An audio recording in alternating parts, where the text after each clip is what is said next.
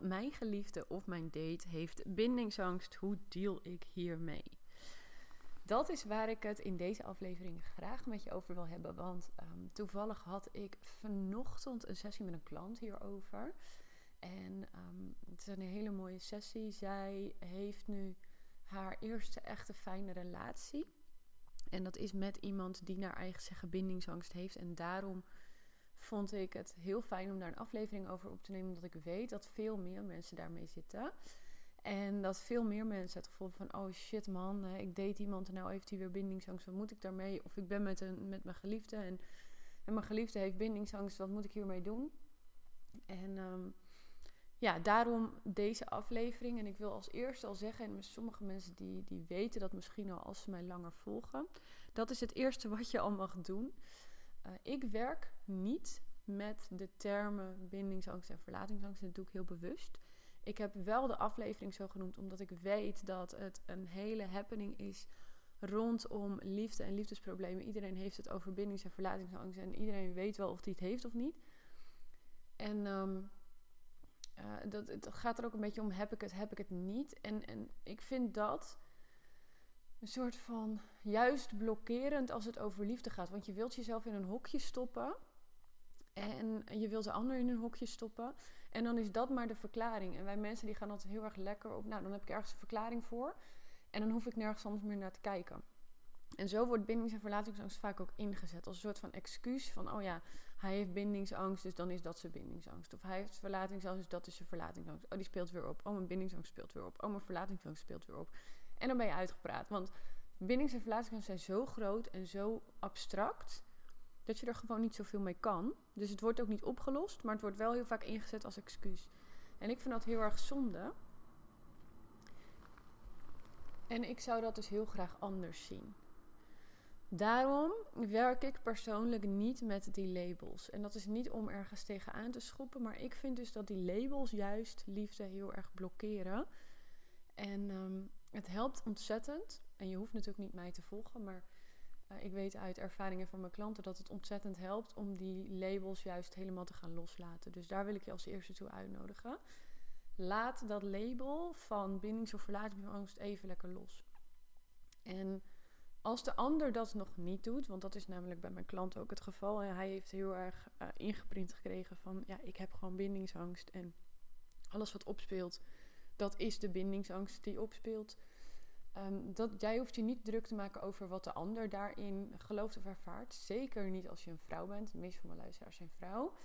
Bij een man is het net wat anders, want dan is het net wat lastiger. Omdat de vrouwelijke energie echt die van gevoelswereld is. Maar zeker als je vrouw bent, um, heb jij de, nou, ik wil niet zeggen alle controle, maar bijna wel, over dat een man ook dat label gaat loslaten als jij dat gaat doen. Jij kan hem namelijk heel goed meenemen in de energie, zonder dat je dat direct hoeft te doen. En ik ga je natuurlijk meenemen hoe je dat kan doen.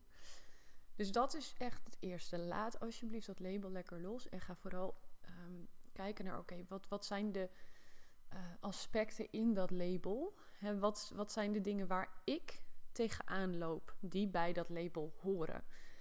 En een van de allerbelangrijkste dingen om echt te leren en eigen te maken en te gaan doen bij zowel bindings- als verlatingsangst, maar eigenlijk is dat in elke relatie gewoon belangrijk in de kern, is heel helder leren uitspreken wat jij voelt in het moment. Wat er in het moment met je gebeurt en wat je ervaart. En niet alleen maar als er een trigger is, of als het even niet lekker is, of als je weerstand voelt, maar juist ook als je je blij voelt, als je aantrekkingskracht voelt, als de ander jou blij maakt, als je enthousiast wordt van de ander. Want dit is vaak wat we gaan doen. Op het moment dat je hoort van, oh, hij heeft bindingsangst, dan ga ik me maar terugtrekken, dan ga ik maar mijn gevoelens niet te veel delen, want anders dan ben ik misschien te veel, of dan jaag ik hem weg of zo. En dan ga je dus heel erg over- of ondercompenseren, omdat iemand deelt dat hij bindingsangst heeft. En dat is precies wat je niet moet gaan doen, want daarmee voed je juist de angst. Dus je voedt de angst door niet te delen wat je voelt, niet te delen wat je ervaart. En eigenlijk de continu dus uit verbinding te blijven ook. Dus je reageert eigenlijk precies zoals, die angst wil dat je reageert. Je deelt niks meer. En die ander die checkt juist uit. Want eigenlijk is bindingsangst in de kern dus ook uh, soort van angst dat jij uitcheckt. En als jij dus je gevoelens niet meer deelt, dan check je uit. En daarop, als reactie daarop checkt die ander ook uit. En niemand heeft enig idee hoe het komt. Dus geef hem maar de bindingsangst de schuld. Maar het komt vaak omdat je je gevoelens niet meer deelt. Omdat je niet meer deelt hoe blij je van iemand wordt. Omdat je niet meer deelt wat, je, wat jou enthousiast en blij maakt. Omdat je niet meer deelt dat hij degene is die jou ook daadwerkelijk blij maakt. Of omdat je hem niet betrekt in jouw leven. En dat is ook een stuk polariteit. Want heel vaak is het tussen aanleidingstekens hebben van bindingsangst. Ik hou hem dan even hierbij, omdat die term, ja, dat is een beetje de meest gangbare. Het hebben van bindingsangst uh, is ook een gebrek aan polariteit. De vrouw gaat heel erg in de mannelijke energie zitten en heel erg in de controlemodus en reageren op de angst. En oh, wat moet ik dan doen en wat moet ik dan anders doen en hoe kan ik je helpen en hoe kan ik dat voor jou oplossen? En de man gaat dus heel erg in het achterover hangen en een beetje achter de feiten aanlopen. En weet je, dan is dus de, de polariteit is en uit balans. En je leeft ze ook nog eens vanuit de shadow, dus vanuit angst. Niet vanuit gewoon liefde en overgave en puurheid. Dus er is geen pure mannelijkheid aanwezig, geen pure mannelijke energie. En ook geen pure vrouwelijke energie. Of misschien wel een beetje, maar in de kern dus niet, want anders zou die bindingsangst er niet zijn. Of zou je het gewoon niet noemen. Dus je mag ook dan meer leren over hoe polariteit werkt. Hoe mannelijke energie werkt en hoe vrouwelijke energie werkt. En hoe dat met elkaar uh, speelt eigenlijk. En met elkaar in flow is. Ehm, ik zit even te denken of ik daar nog verder op inga. Maar ik denk dat ik daar beter andere podcastaflevering over kan opnemen. Hoe dat precies zit in een relatie mannelijke en vrouwelijke energie. Want ik heb daar al eerder een aflevering over opgenomen. Hoe dat dan in de praktijk is, in het dagelijkse leven. Maar dat is sowieso interessant. Dat onderwerp, dat is ook wat ik teach natuurlijk. Dat, dat is het, het meest diepgaande in een liefdesrelatie. Om echt dat stuk bindings- en verlatingsangst gewoon helemaal los te laten en daaruit te breken. Dan mag het over iets compleet anders gaan. Iets veel luchtigers ook en leukers. Want ik neem aan dat je ook wil dat je liefdesrelatie gewoon een hele fijne plek is. Dus er mag ook heel veel fun in zitten. En wat een heel belangrijk onderdeel is, zowel van liefde als van het loslaten van die angsten, is dat je steeds meer in je lichaam zakt. Want heel veel mensen beleven, en dat heb ik ook heel lang gedaan hoor, beleven liefde vanuit hun hoofd. Vanuit de analyse en ja, vanuit die zogenaamd veilige plek. Dus heel erg zonder het te belichamen. En als je liefde vanuit je hoofd beleeft, dan voel je ook niet wanneer je in de overcompensatie zit, wanneer je in de ondercompensatie zit, wanneer je een grens overgaat. Of wanneer iemand anders je grens overgaat. Je blijft niet bij jezelf. Je bent eigenlijk in een continue staat van verwarring, omdat je de dingen vanuit je hoofd doet.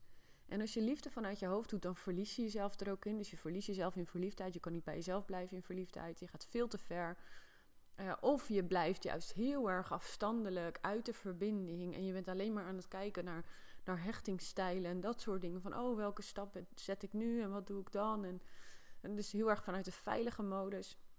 Terwijl als je meer in je lijf zakt, dan beleef je liefde ook meer vanuit de realiteit. Dus dan is het niet in dat, dat als iets fantastisch is, dat het meteen helemaal het einde is en dat je helemaal erin verliest.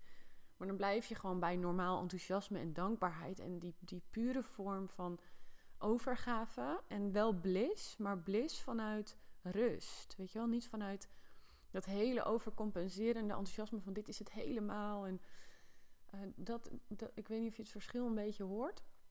Maar dat is jezelf voorbij gaan in enthousiasme, omdat je niet in je lichaam zit en je beleeft het enthousiasme vanuit je hoofd.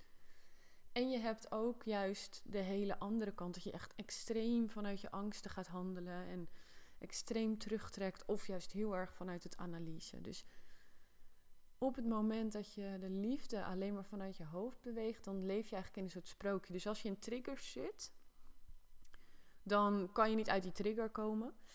En daardoor komt ook dat push en pull heel erg. Omdat je niet in de realiteit blijft, maar je leeft in een soort, ja, of in een droomwereld. Op het moment dat je afstand van elkaar hebt, dan ben je helemaal in die droomwereld. En dan is het ineens van, oh ja, ik, ik vind jou helemaal fantastisch en ik kan niet zonder je.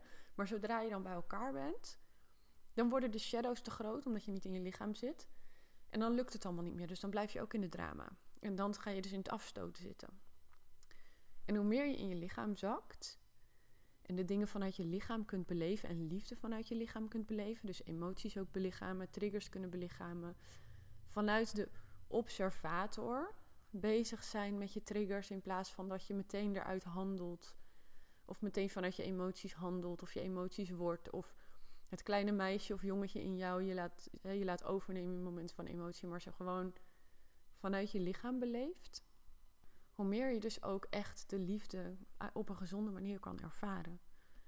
En hoe makkelijker je ook je gevoelens kunt communiceren. Op een heldere manier.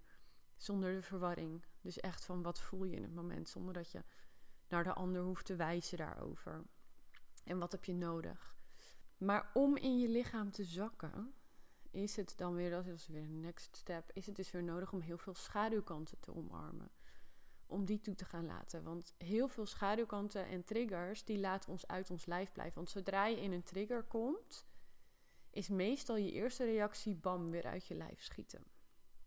En als je dat meer doorhebt, dan kun je in die momenten van triggers kun je beter bij jezelf blijven. Kun je door die schaduwkanten heen breken en omarmen in jezelf, dus vanuit liefde ernaar kijken.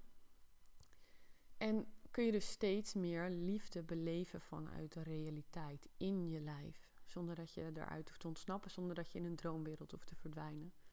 En je gaat ook steeds meer praten vanuit gewoon wat je voelt, in plaats van dat je vanuit verwarring of onmacht aan het spreken bent. Dan is er ook nog zoiets als zelfliefde. En liefde kunnen ontvangen. En dat kunnen expanden. Dus um, toevallig had ik vandaag een introgesprek met iemand. En die zit in een gezonde relatie op dit moment. Maar die kon dat niet omarmen en toelaten. Omdat het niet is wat diegene gewend is van vroeger. En dan is het een kwestie van ook die zelfliefde in jezelf kunnen toelaten en belichamen en expanden. Die dankbaarheid kunnen toelaten. En dat steeds meer uitbreiden, zodat je het jezelf leert gunnen, zodat je ook aan jezelf leert dat liefde ontvangen op een gezonde manier ook heel veilig mag zijn. En dat ook in je hele lichaam kunnen ervaren en kunnen toelaten. En ik heb dat toevallig ook vandaag met mijn uh, groep besproken. Wat wij heel vaak doen um, in deze wereld, en dat is misschien een klein beetje los hiervan, maar het heeft zeker connectie ermee, is dat we dingen die we, um, shit die we hebben bijvoorbeeld, dat stoppen we heel vaak weg. De shit, want dan hebben we het gevoel van ja, maar ik mag geen slachtoffer zijn en, en die persoon heeft het allemaal slechter dan ik, dus ik mag niet klagen en bla bla. En de shine die we hebben, de, de positieve dingen, de hele fijne dingen die we, de, waar we trots op mogen zijn, die we allemaal bereiken, dat wuiven we een beetje weg. Onder het mom van, ach ja, weet je, het gewoon mazzel. Of, ehm, eh, of, of we zeggen gewoon van, ja, nou, dit hebben we gedaan, hartstikke leuk, weer bereikt, we gaan weer door. Heel vaak laten we die dingen niet toe in ons lichaam ook. De, de dingen waar we juist dankbaar voor zijn, dingen waar we trots op mogen zijn, die laten we niet helemaal toe in ons lichaam dat embodyen we ook niet. Dus we willen eigenlijk zowel de negatieve emoties, om het zo maar even te noemen, want er is natuurlijk geen positieve en negatieve en zo, maar de emoties die we soms liever niet ervaren, die willen we wegdrukken. Want ja, we willen geen drama queen zijn, geen slachtoffer zijn. Dat zijn allemaal hele mooie schaduwkanten. Daar heb ik ook podcasts over opgenomen. En de, de happiness, de shine, die doen we maar weg. Want ja, dat is gewoon geluk. Of we moeten weer verder. Of of nou ja, maar mijn beste vriendinnetje is depressief en ik kan het niet maken dat ik dan een beetje sta te shinen naast haar. Dus laat ik het maar niet zeggen. En wat er dan gebeurt, is dat je een soort scheefheid creëert de hele tijd. Dus dan check je ook uit. Je checkt eigenlijk uit en je gunt jezelf niet meer de dankbaarheid. Je, je laat de shit er niet meer zijn, waardoor je dat wegdrukt. En dan word je een soort van ja, schim van leven eigenlijk. Dus ook daartoe wil ik je uitnodigen. Jouw schaamte, jouw shit, et cetera omarm ze. Deel het, laat het toe. Laat jezelf af en toe even lekker slachtoffer zijn. Want hoe minder uh, je dat toelaat en wegdrukt, hoe meer je het gaat zijn. En hoe meer het een, een podium gaat krijgen op plekken waar jij hem niet wil hebben. Dus laat jezelf af en toe heel even slachtoffer zijn en toelaten.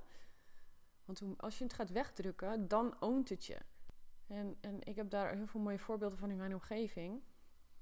Die, die zeggen dan van ja, maak je maar niet druk om mij en er is niks aan de hand. Maar vervolgens als ze dan uh, bijvoorbeeld, als ze het hebben over dating en relatie, dan zeggen ze dingen als ja, maar ja, weet je, eh, dat kan ik niet, want ik heb vroeger dit meegemaakt en ik heb dat meegemaakt. Dus ja, ik kan me gewoon niet verbinden en ik kan gewoon niet dat. En dat is wat gebeurt op het moment dat je de shit niet gewoon even de shit laat zijn, in het moment dat het zich aandient. Dat je geen slachtoffer mag zijn van jezelf en vervolgens ben je het dus wel. En dan ontneem je jezelf de kans om iets op te bouwen of te creëren of iets te ervaren wat je eigenlijk gewoon kan ervaren. En dat doen heel veel mensen ook met bindingsangst. Ja, ik heb gewoon bindingsangst omdat ik dit en dit heb meegemaakt, dus het kan niet anders. En je beperkt jezelf daar dan dus mee. En ja, als je dit weer meer gaat rechttrekken, dus de pijn voelt op het moment dat het er is, de schaamtes durven te delen, uh, de shit toelaten op het moment dat de shit zich even aandient. En de shine kunnen toelaten. Echt even embodyen. Wanneer je de shine even mag voelen. Ja, gewoon stralen. Ook al straalt niemand om je heen. Wees de inspiratie dat jij wel mag stralen. En trek dat weer recht. Nou, en dan nog een, een laatste die ik nog echt even wil meenemen. Waar ik best wel veel over gedeeld heb de afgelopen tijd. Is wees eerlijk over wat je voelt. En om eerlijk te kunnen zijn over wat je voelt, heb je te connecten met wat je voelt. Dat is wel iets, dus meer in je lichaam aanwezig zijn. Wat voel ik allemaal? Ja, echt durven uitspreken. Ook al heb je daarbij de kans om afgewezen te worden, of ook al heb je daarbij de kans dat iemand jou niet meer wil. Want het meest sexy is iemand die gewoon wel bij zijn gevoel blijft en daarin ook het gevoel van de ander respecteert. Dus dat is eigenlijk je hart en je buik samen. Je, je buik is echt van, nou, ik blijf bij mezelf, in mijn eigen centrum. En dit is gewoon wat ik voel en dit is wat ik zou willen en waar ik blij van zou worden. En dan ga je naar je hart van, ja, ik, ik zie jou wel en ik respecteer jou. En daarin vinden we wel een weg samen. Weet je wel? Dus dat is eigenlijk de, de beste manier om je gevoel te delen vanuit je buik en je hart. Vanuit ik zie jou maar ik voel dit. En ik pak daar nog even een voorbeeld bij. Stel, jij hebt een nieuwe vlam en je staat samen in de kroeg. En jouw nieuwe vlam die heeft tegen jou heel veel gezegd van... ja, ik vind vrijheid zo belangrijk en ik wil echt dat je me vrijlaat. En dat heeft hij erg benadrukt. Jij staat samen in de kroeg met bijvoorbeeld je vriendinnen, ik noem maar even wat. Hè. En op een gegeven moment praat jouw nieuwe vlam met een vrouw, een andere vrouw. En ze zijn best wel een beetje innig met elkaar. En jij gaat dan tegen je vriendin heel erg zeggen van... Ja, en uh, ik ben zo trots, want ik laat hem zo vrij. En ik ben totaal niet jaloers. En ik voel er helemaal niks bij. En ik ben zo trots op mezelf. En je bent dus eigenlijk je eigen ego aan het overtuigen. Of je hebt later een gesprek met hem en uh, je, je begint er gewoon helemaal niet meer over. Terwijl iedereen ziet dat het iets met je doet en hij voelt dat ook. Want jullie hebben connectie met elkaar. Als je met elkaar date, heb je gewoon een connectie. En hij voelt wat jij voelt, ook al ben je niet bij hem. Uh, hij voelt het door je berichten heen. Hij voelt het of als je op afstand in de kroeg staat te kijken. Hij voelt het. Dus je kan er maar beter eerlijk over zijn. Want op het moment dat jij niet meer eerlijk bent, dan gaat het mis. Wat we vaak denken is dat we ons heel erg moeten aanpassen aan... oh ja, de ander wil vrijheid, dus ik zeg maar niks... en ik ben nonchalant over mijn eigen gevoel, maar dat is bullshit. Want als je dat gaat doen, dan gaat het en opstapelen... waardoor je op een gegeven moment een keer vanuit emotie reageert... en dan komt het er alsnog uit. Nou, en dan is het dus wel too much. Um, of, wat ik net al zei, hij voelt het gewoon. En omdat hij het voelt en jij bent er niet eerlijk over... dan heb je een disconnectie met je eigen gevoel. En omdat jij een disconnectie met je eigen gevoel hebt... check jij uit... En als jij uitcheckt, checkt hij ook uit. Want dat is de mannelijke en vrouwelijke energie. Als een vrouw uitcheckt van haar gevoel, checkt een man ook uit. En dat is gewoon, zo gebeurt het meestal gewoon. Kijk, er zijn mannen die dan echt heel erg voelen: nee, ik blijf hier nog bij. Die zich heel bewust zijn. Maar in heel veel gevallen is dat gewoon niet zo. En checkt hij ook uit en heeft hij geen idee waarom. En waar jullie dan de schuld aan geven, dat is dan dat jij of niet genoeg vrijheid gaf en dat hij toch nog niet wil binden. Of de relatie waar hij net uit is gekomen, hè, die hem nog dwars zit. Als het maar iets is waardoor we niet eerlijk hoeven te zijn over wat we echt voelen, want dat vindt ons ego te eng. Maar ik vertel je nou vast dat dit het is. Of nog een voorbeeld, en dat is dan de laatste van iemand die laatst in mijn DM zat. Die was met iemand aan het daten een tijd en het enthousiasme werd minder. En um, op een gegeven moment zei hij van ja, ik heb wat meer space nodig. Ik vind je wel heel erg leuk en ik heb het wel fijn met je, maar ik heb gewoon wat ruimte nodig. En het eerste wat zij meteen deed, oh ja, maar dat vind ik helemaal goed en ik heb ook wat meer space. En dan ze gelijk mee bewegen. En toen ze dat zei, voelde ik al, ja, maar nu ben je niet helemaal eerlijk over je gevoel. En het moment dat je niet meer eerlijk over je gevoel bent, dan neemt je attraction neemt gewoon af. Je sexiness neemt af. En dan op een gegeven moment is er steeds meer distance. En ga je de distance wijden aan de reden waarom hij zegt dat hij space nodig heeft. In dit geval dus was het ook een relatie waar hij net uitkwam. Maar het kan ook zijn dat hij uh, bijvoorbeeld heel erg druk is met zijn studie. Of uh, ik had toevallig een klant waarvan haar date een ongeluk had gehad. Die kon dat mooi de schuld geven. Weet je, maar het is nooit, dat is het niet. Het kan zijn dat iemand dan eventjes die dag niet kan afspreken of zo. Of eventjes een paar dagen rust of space nodig heeft. Maar niet dat hij dan zegt: Oh ja, ik heb energetisch space nodig. En verder met een vaag verhaal. En niet concreet of praktisch ergens op terugkomt. Want dan is het gewoon heel clear. Dan is de problem, not the problem. Dan is het een, of een test aan jou om eerlijk bij je gevoel te blijven. Want soms testen mannen ook onbewust hoe wij bij ons gevoel kunnen blijven. En dat hebben ze zelf ook niet eens door. Dus daar hoef je niet op te blamen.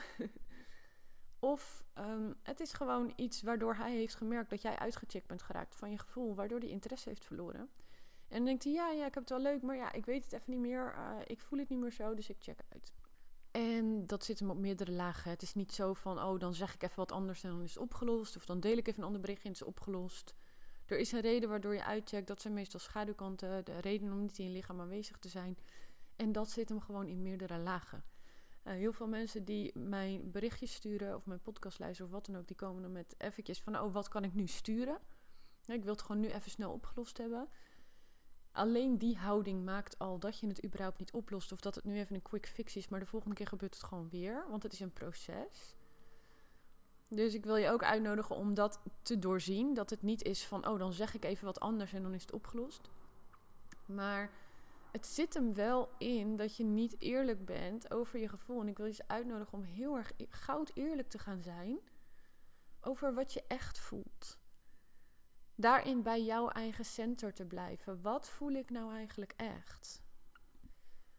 En alleen dat al is ook al een heel proces. Want ons ego blokkeert gewoon heel vaak onze echte gevoelens. Want deze vrouw, toen dat tegen haar uitsprak, zei van... Nee, maar ik wil ook echt gewoon space. Ik vind het ook wel fijn om rustig op te bouwen. Maar ik voelde zo erg dat het is vanuit de angst dat hij zich terugtrekt. En daardoor trekt hij zich juist terug.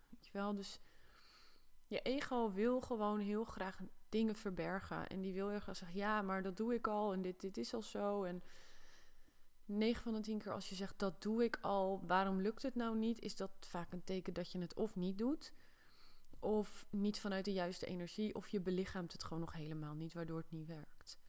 Maar dat is ook weer stof voor een andere podcast. Ik hoop dat je iets aan deze podcast hebt gehad en dat je nu het stuk bindingsangst anders kan bekijken. Dat label wat meer kan loslaten en wat meer in het moment kunt zijn. En gewoon kijken van wat gebeurt er in het moment hoe kan ik in het moment meer rust ervaren, meer bij mezelf blijven en helder communiceren, waardoor heel die bindingsangst uiteindelijk gewoon niet zo'n rol meer speelt.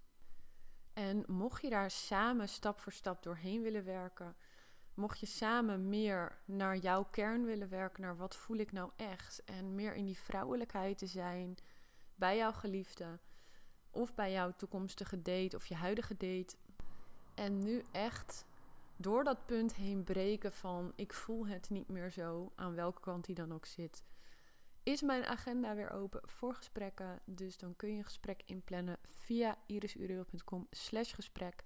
En wie weet zie ik jou daar, lieverd. Ik wens jou nog een hele fijne, mooie dag, middag, ochtend, avond, wanneer je dit ook maar luistert. En ik stuur je heel veel liefde en wellicht weer tot een volgende aflevering.